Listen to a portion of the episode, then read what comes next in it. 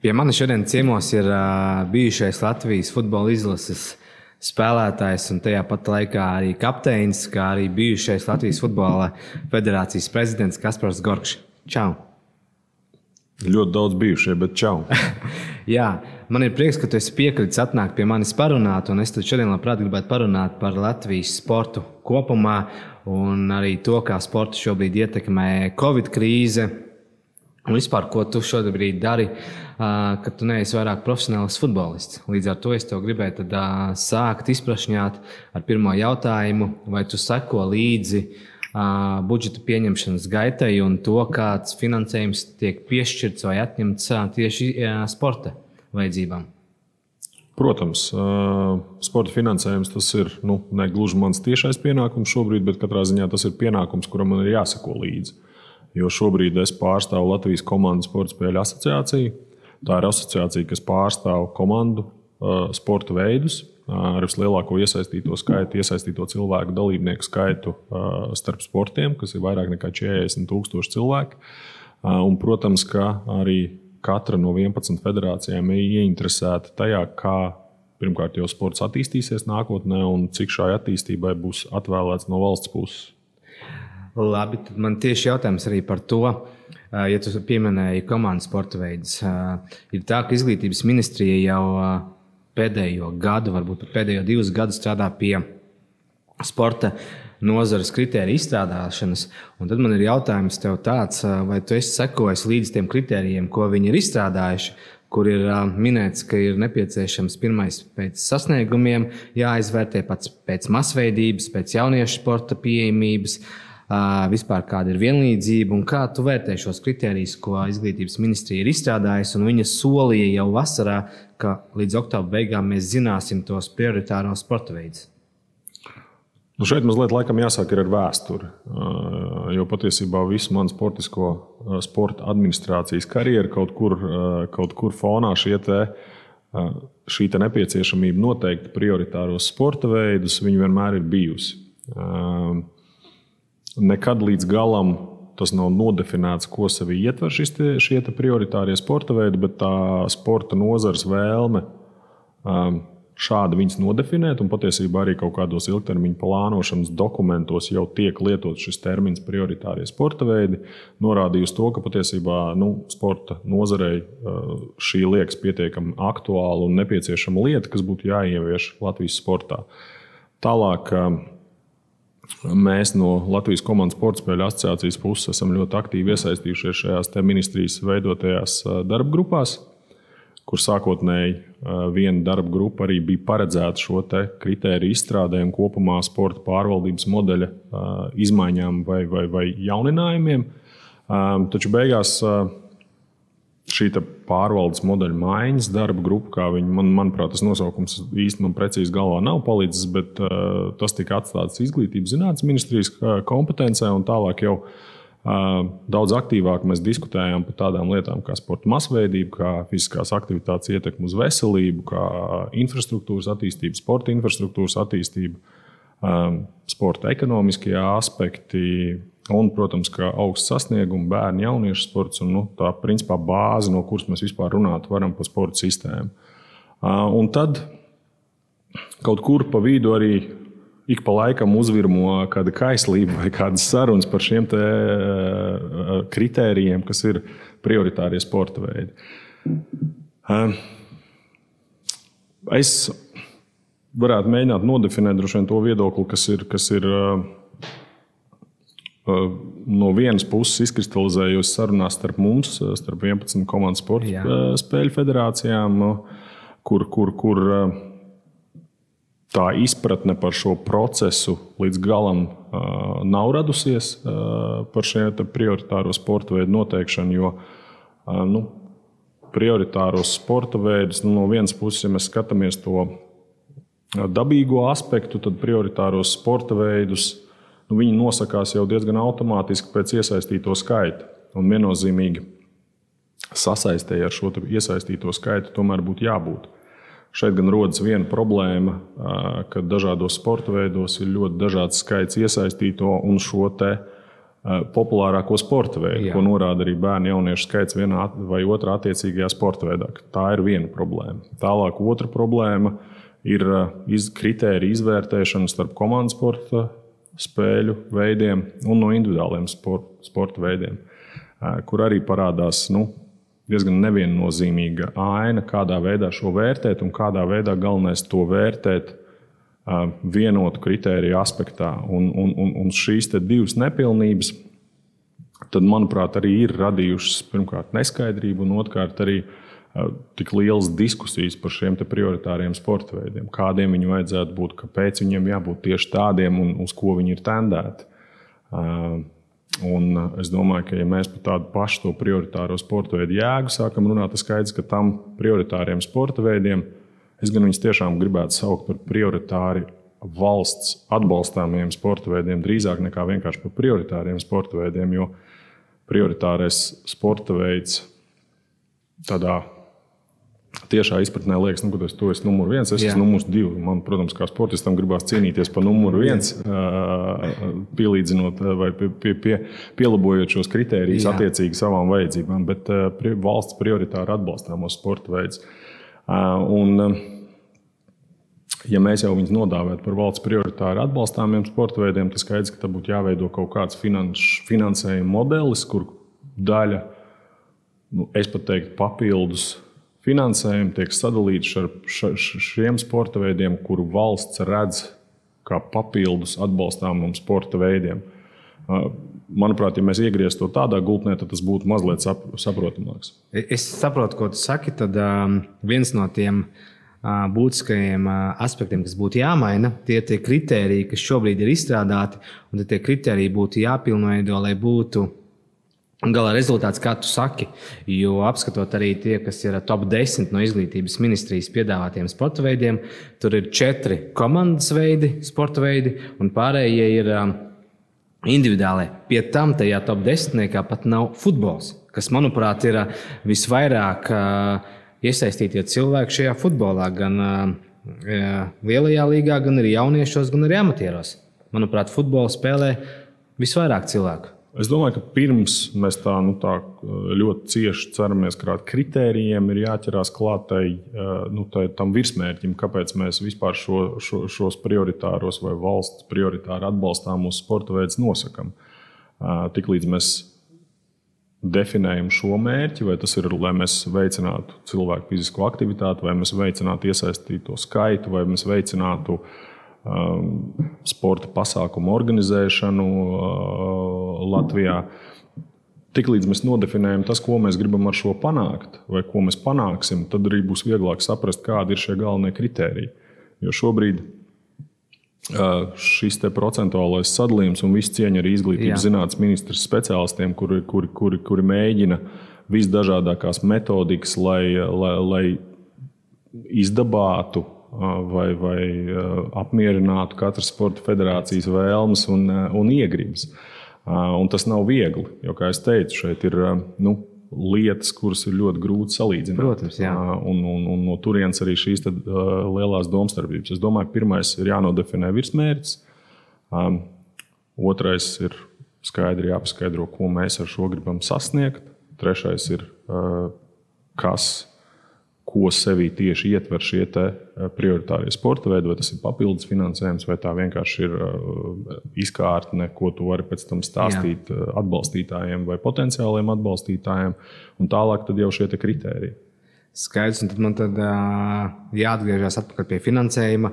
Un tad, kad mēs būsim izstrādājuši un noteikuši tos galvenos prioritāros sporta veidus, tad tu kā redzi to finansējumu sadali tieši sporta nozarei? Ka to, tas finansējums tiek piešķirts kā šobrīd, vai jau tiek dalīts jau uz prioritārajām nozarēm, vai arī kā tu redzi to finansējumu sadali, lai tiešām atbalstītu tos prioritāros sporta veidus un mums būtu tie rezultāti labāki.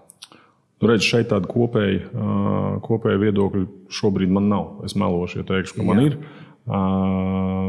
Bet tieši kontekstā pret šiem prioritāriem sporta veidiem, man negribētos, lai šo kritēriju pielāgošana vai maiņa izvēršas par nu, tādu jau esošā finansējuma sadali vai pārdali. Es domāju, ka tam, tam būtu jābūt kaut kādai daļai jauna valsts atbalsta sporta nozarei, par kuru tad varētu. Uh, kuru tad varētu dalīt jau attiecīgi šiem prioritāro sporta veidu kritērijiem.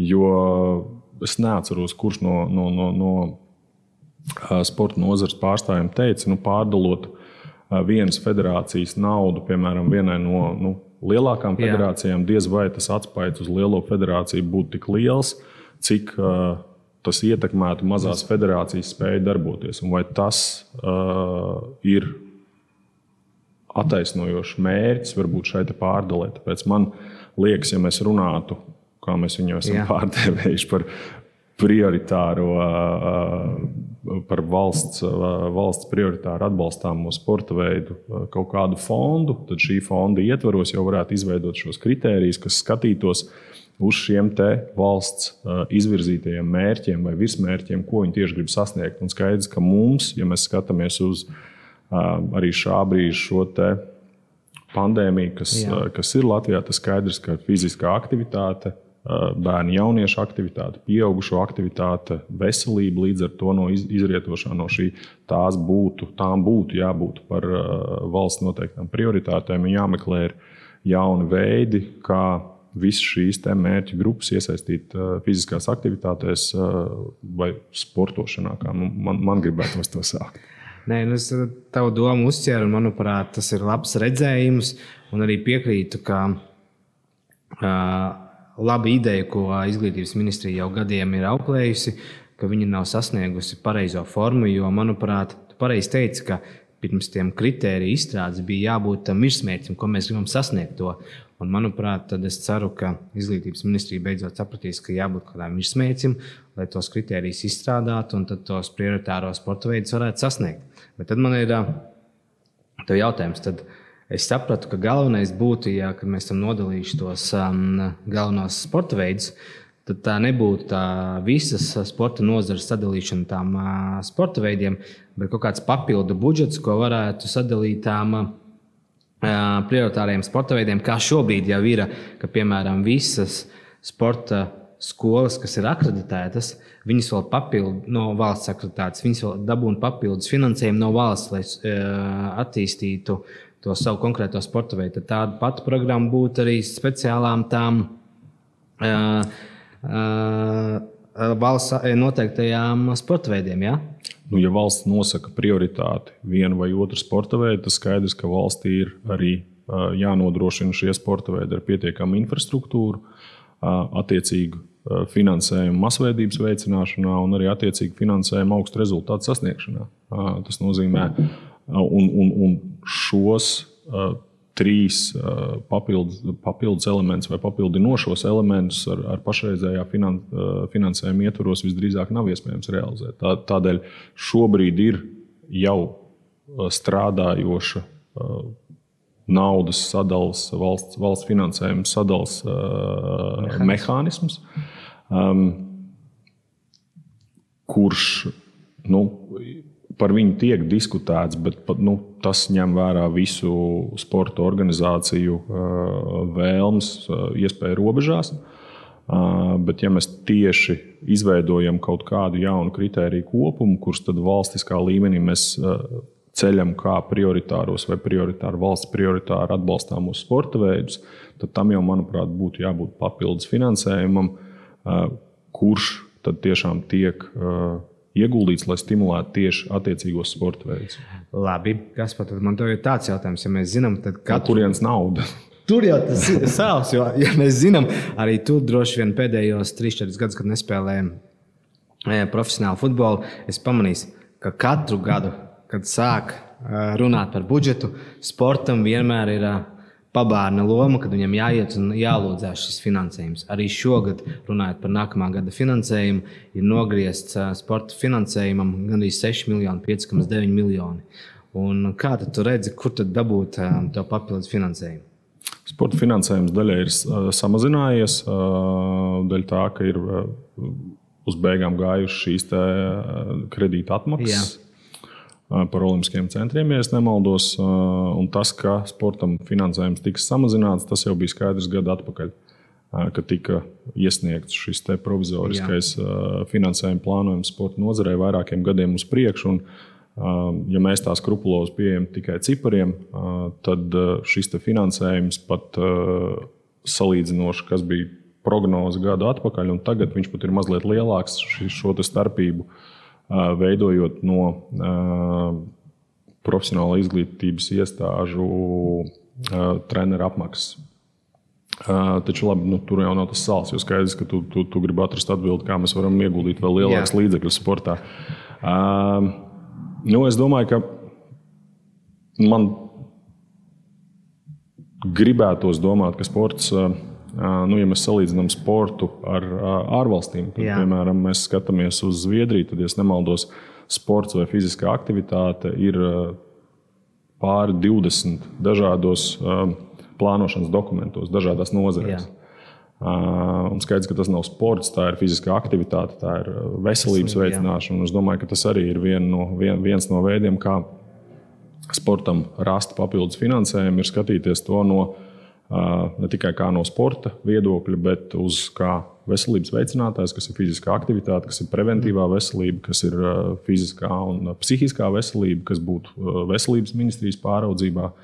Otra nozara būtu šie sporta un ekonomiskie aspekti, kas ir lielie starptautiskie sporta pasākumi, kuri nu, šobrīd ar mūsdienu pētnie, pētniecības pē, pētījumu iespējām var pietiekami detalizēti izpētīt, cik viens vai otrs sporta pasākums atstāja, cik lielu ietekmi atstāja uz šo te, Um, ekonomisko aktivitāti, cik viņš var ienest atpakaļ uz nodokļu rēķina, uz turistu rēķina, uz potenciālo nākotnes turistu rēķinu. Un, un, un, un tiešām tas varētu būt tāds um, produkts, ko mēs jau nevis vienkārši uh, mēģinām piesaistīt kā sanāks, bet mēs mēģinām viņu jau plānveidīgi, ilgtermiņā skatīties katru gadu šos lielos sporta pasākumus un pārliekot to no izglītības zinātnes ministrijas budžeta, piemēram, uz ekonomikas ministrijas budžeta, skatīt to tīri no biznesa viedokļa, kā ekonom, tīri no ekonomiskās atdeves viedokļa. Un vēl viena ministrija, kur varētu daudz aktīvāk iesaistīties, tā viennozīmīgi Labklājības ministrija, kur arī būtu jārūpējas par to, lai šī fiziskā aktivitāte un sports varētu tikt nodrošināta visiem, kas to vēlas, arī cilvēkiem ar īpašām vajadzībām. Un es domāju, ka Labklājības ministrija, ministrijas kompetencē būtu jādod arī tā pati sporta infrastruktūras pielāgošana un ne tikai pielāgošana iekļūšanai sporta infrastruktūras objektā, bet tiešām arī, lai jebkurš, kurš vēlētos, varētu nodarboties ar sportu.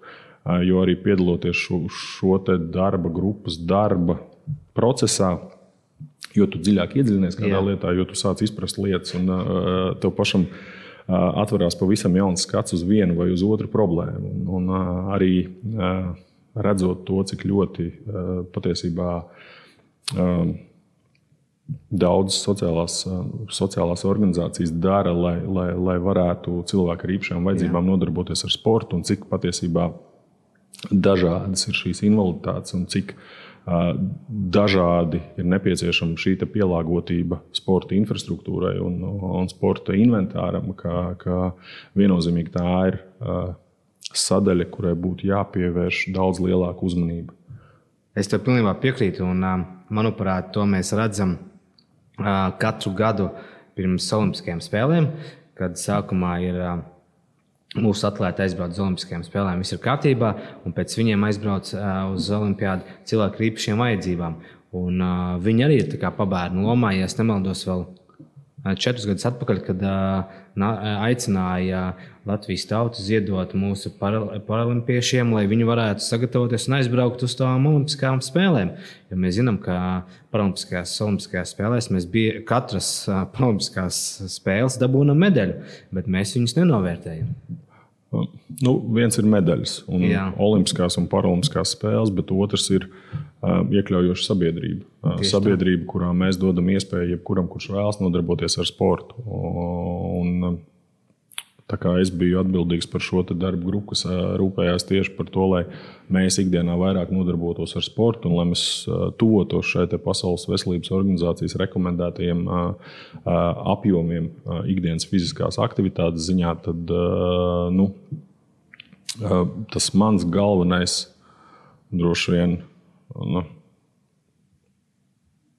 nu, galvenā mācība bija tāda, ka mēs vienkārši meklējot atbildi tam, lai iesaistītu pēc iespējas vairāk cilvēku fiziskās aktivitātēs, būs ļoti grūti atrast šo atbildi. Jā. Ka mums tiešām būtu pirmkārt mērķiecīgi jāiedala šie cilvēki mērķu grupās, kas būtu gan bērni, jaunieši, kur, kur, kuru fiziskās aktivitātes un sporta ieradumus mēs varam mainīt ar vienu vai otru dokumentu palīdzību. Jo bērni var nodarboties ar sporta skolās, ar interešu izglītību, profesionālā ievirsta. Tālāk jau ir pieaugušie.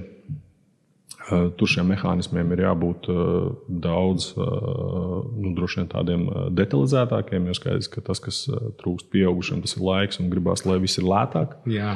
Tādējādi ir jāstrādā pie tā, lai mēs atrastu finanšu stimulējošus kaut kādus rīkus, lai tiešām iedrošinātu vai ieinteresētu šo pieaugušo papildus nodarboties ar sportu. Un, piemēram, man lielisks piemērs ir, kur es eju uz trenižera zāli, trenižera zālē ir vienā ēkā ar, ja nemaldos, vienu no bankām, un viņas darbinieki, piemēram, noteiktos laikos var iet un nodarboties ar sportu, kas nozīmē, nozīmē ka darba devējiem uh, ir fiziski aktīvs, vesels un tādējādi arī produktīvs darbinieks, kas var dot daudz lielāku atspaidu uz to gala produktu, ko viņš vēlas no viņa saņemt. Un es domāju, ka tas arī ir viena no lietām, ir skatīties to uz tādu darba, darba attiecību kontekstā, lai darba devējiem būtu izdevīgi darbiniekiem nodrošināt iespēju bez aplikšanas, varbūt ar kaut kādu papildus nodokli nodrošināt uh, līdzīgi ēšanai. Manuprāt, tiek atmaksāta kaut kāda summa, ka atmaksāts tiek arī fiziskās aktivitātes. Tādējādi arī darba devējs iegūst uh, veselu darbinieku. Un, kā tu zini, veselība ir daļa no labklājības. Mēs esam veseli, laimīgi, mēs arī esam daudz produktīvāki, smaidīgāki un daudz priecīgāki. Tā ir. Bet tad, turpinot šo tēmu par sportošanu un aktīvu dzīvesveidu, nu, nav noslēpums, ka tas kaut kāds otrais vilnis ir mums atnācis. Un katru dienu tie dati ar vienu aug un aug. Un šodien arī ir antirekords sasniegts 367 cilvēki. Līdz ar to man te ir jautājums, ja pavasarī, kad bija pirmais vilnis, uh, tika ieviests ārkārtas stāvoklis, tad cilvēki varēja iet sportot ārā, jo tas laiks bija silts, kā jau pavasarī. Un, uh, tagad, kad mums būs otrais vilnis, izskatās, ka rītā varētu tomēr uh, būt tas um, ārkārtas stāvoklis pieņemts. Tad kā tu domā, kā tad tiem cilvēkiem sportot un kur viņiem iet uh, to sportisko aktivitāti iegūt? Jo uh, Ja mēs atceramies, pirmajā vilnī, tad sporta zāles bija cieta, viss bija cieta, un tad cilvēki rāvās pie dabas, skrēja parkos. Kas tagad notiks, tavuprāt? Ja patiesībā viena no tādām, man liekas, skaistākajām reklāmām šogad, ko es redzēju sociālajos tīklos, bija tieši šī Latvijas valsts meža, ja nemaldos, kad lielākā trenižera zāle. Un droši vien, ka daļa, daļai tā arī būs taisnība, ka būs jābūt, nu, es neteikšu inovatīviem, Jā. bet būs aktīvi jāmeklē veids, kā nodarboties ar fizisku aktivitāti. Ehm, skaidrs, ka organizēta fiziska aktivitāte šajos apstākļos eh, nu, pastāv iespēja, ka viņi tiks ierobežoti ar vien vairāk un vairāk. Un, un, un, un skaidrs, ka šeit primārais mērķis ir um, ierobežot šī vīrusu izplatību. Uh, bet uh, ierobežojot jebkuru vīrusu izplatību, primāri būtu jāskatās uz to, uh, vai sasniedzot šo mērķi, metodas, kuras mēs pielietojam, ir attaisnojamas. Un, un, un, Um, nu, cilvēka veselība, gan fiziskā, gan arī psih, psihiskā, psiholoģiskajā šajā laikā, es domāju, ka ir pakļauta papildus tādam spiedienam, ja mēs to varētu teikt. Tas papildus prasa no tevis enerģiju, no manas enerģiju, lai mēs pie tā piedomātu un par to rūpētos. Tas gan nav attaisnojums. Um, kas attiecās uz organizētām grupu nodarbībām, nu šeit arī šobrīd skaidrs, ka uh, tā organizēta mēs varam nodarboties tikai ārtelpās. Kāda būs šie ierobežojumi pēc rītdienas vai parītdienas, vai vienalga. Mēs šeit varam spekulēt daudz un dikti, bet, uh, bet tas, uh, kas noteikti ir jāaicina cilvēki, ka primārais tomēr ir cilvēku drošība un veselība. Un tad tālāk ir jāskatās, kā šo te ievērojot valstī izsludinātos ierobežojumus, kā papildus rast iespēju nodarboties arī ar fiziskām aktivitātēm. Bet tad man ir jautājums. Nevairāk kā par parastiem cilvēkiem, kas nodarbojas ar sportu, bet tieši par profesionālajiem. Tā kā tu esi bijušais profesionālais sportists un arī šobrīd pārstāvi komandu Sporta veidu federāciju. Kas viņus sagaida šobrīd? Jā, jo šobrīd mēs zinām, ka viņi ir vienīgie, kam ir atļauts trenēties un var teikt, strādāt vai nodarboties ar sportu. Bet kas būs, ja, piemēram, arī viņiem aizliegs? Nu, šobrīd mēs, nu, es domāju, ka būtu nekorekti spekulēt no mūsu puses, kas būtu, ja būtu. Mēs varam skatīties, kāda precedenta ir ārvalstīs. Mēs redzam, ka um, arī valstīs kā Vācija, kā Anglija, tad profesionālais sport, sports šobrīd tomēr ir uh, atstāts kā funkcionējoša nozare.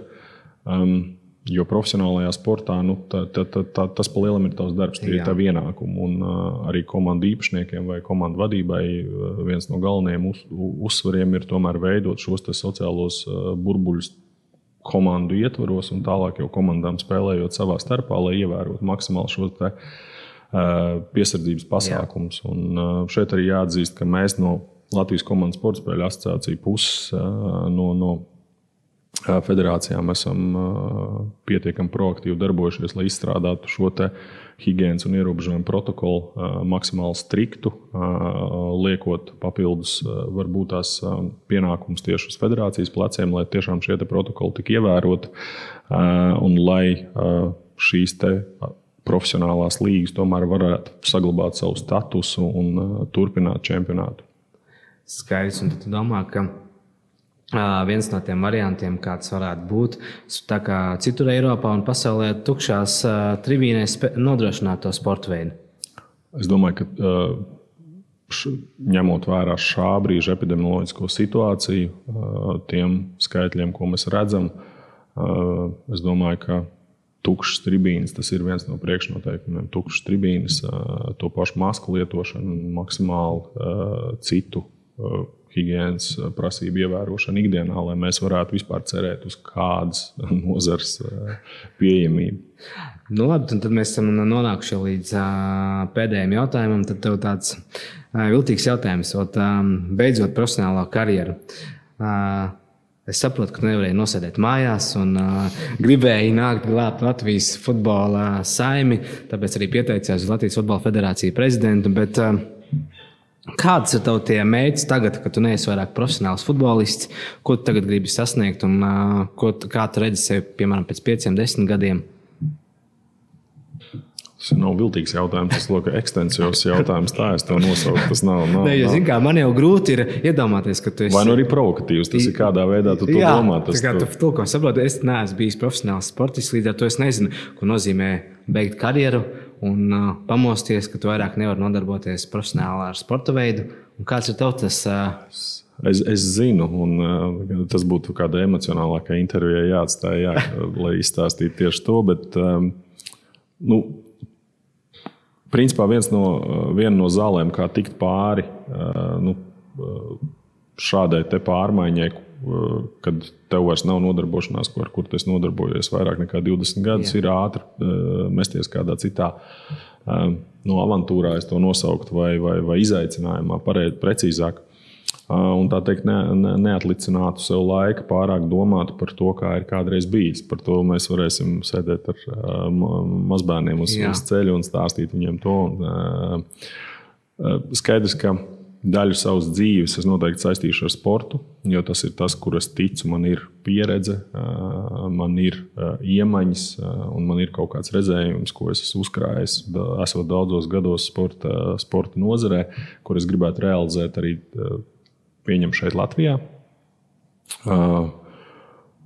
Šobrīd es aktīvi mācos divos eh, kursos paralēli, plus vēl eh, šādas tādas lietas, lai sev vienkārši tāpatās pilnveidotu. Eh, un, nu, tas, šo procesu es varētu tā arī nosaukt. Tāds mācību tranzīcijas process, um, ļoti aktīvs uh, pārējais process uh, uz vairāk administratīvu lomu nekā tas ir bijis visas manas dzīves garumā.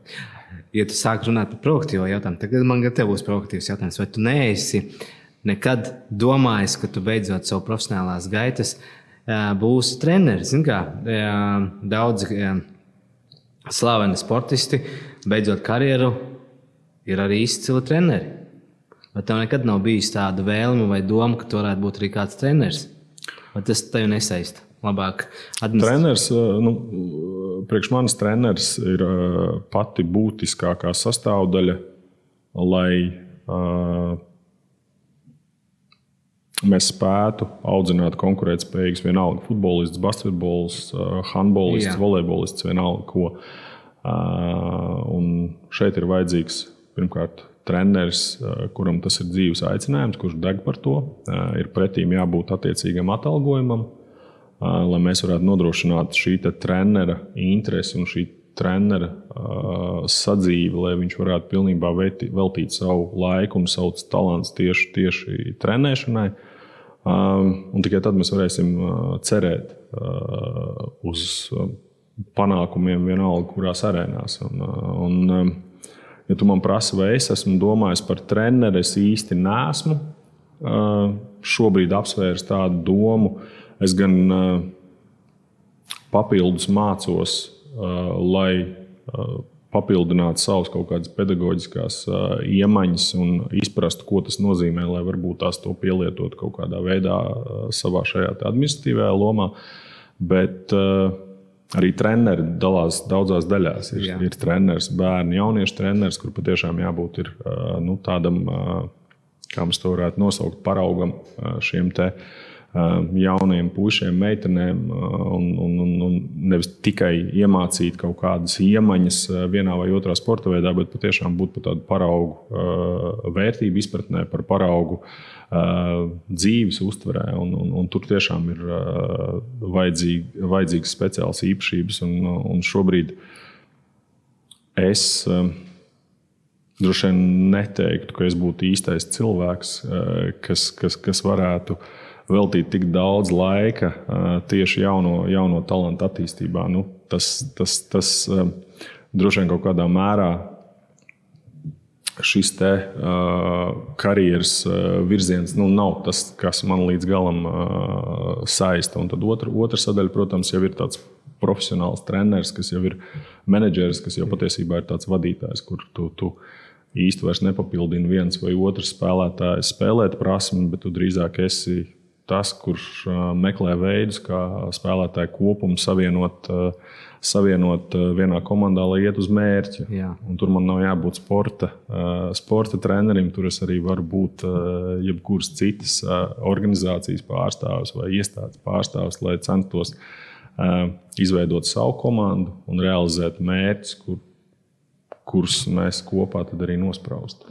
Nu, skaidrs, bet manuprāt, jā, jā, jāatbild to, ko tu pateici. Manuprāt, tev piemīt visas tās īpašības. Tu varētu pirmkārt aizraut tos bērnus. Tev ir uh, dzīves pieredze un dzīves redzējums, lai iedvesmotu tos uh, bērnus, ka futbols ir viņu visu dzīvi. Un treškārt, manuprāt, viņiem varētu dot to, ko es skatoties Latvijas izlases futbola spēles ar tavu dalību, ka tu gāja ar neatlaidību. Cīnīties par katru bumbu. Līdz ar to, manuprāt, tās visas īpašības ir. Bet tad uh, tiešām pēdējais nu, jautājums. Nu, es, es mazliet vēl iesprāgšos. Darbs ar bērniem, darbs ar pusauģiem, tā nu, nu, noteikti ir daļa no manas ikdienas. Jā. Tik un tā. Kad mēs runājam par šo treneru, es Jā. to vairāk domāju kā pilna, laika. pilna laika nodarbošanos. Jo, jo, jo, jo skaidrs, ka daļa no savas pieredzes, vai no savām iemaņām, vai no savu jebkā, Jā. nu, pirmkārt jau tu to nodod un realizē starp, caur saviem Jā. bērniem, un otrkārt. Nu, Man patiešām ir interesanti arī skatīties uz mūsdienu, mūsdienu pusauģiem, kā viņi caur savu prizmu redz vienu vai otru lietu, uz kuru es skatījos pavisam savādāk. Un viennozīmīgi tā būs viena tā šķautne, kurai es vienmēr stāvēšu tuvu. Patiesībā man ir viens padomā, mazs tāda, tā, tā, tā mēs to varētu nosaukt, tāda tipa projekts, bet nu, kamēr projekti nav realizēti, tikmēr par viņiem droši vien ir muļķīgi runāt. Bet nu, tā ir tāda maza daļa enerģijas, sirds laika, ko ielikt, ielikt bet tas, to es neredzu sev kā pilnu laika nodarbošanos. Skaidrs. Un tad Pasaki, kas par godīgi, vai tu kopš profesionālā gaita beigām esi izgājis vēl uz laukumu, vai vispār esi piekāris bučus pie nagliņas un viss? Es ik pa laikam uzspēlēju. Es ik pa laikam uzspēlēju. Mana karjeras laika uh, riebums pret iesildīšanām šobrīd vairs nestrādā. To es varu noteikti pateikt, jo, jo, jo nu, iesildoties parasti es pēc tam izkrītu ārā uz pāris nedēļām, bet es cenšos vismaz vienreiz, divreiz nedēļā cenšos uzskriet, uh, uzspēlēt futbolu uh, un tā teikt. Uh, neierūsēt līdz galam, tā es to nosaucu. Tas nav uz kaut kādiem citiem mērķiem tendēts, kā tikai pavadīt foršu laiku, patīkamu cilvēku kompānijā, spēlējot spēli, kas nu, ir aizrāvusi mani visu mūžu. Nu, skaidrs, paldies. Un tad es tev novēlēšu, lai tavs projekts īstenojas un viss tev mērķis arī dzīvē īstenojas. Paldies! Paldies tev! tev. Paldies tev.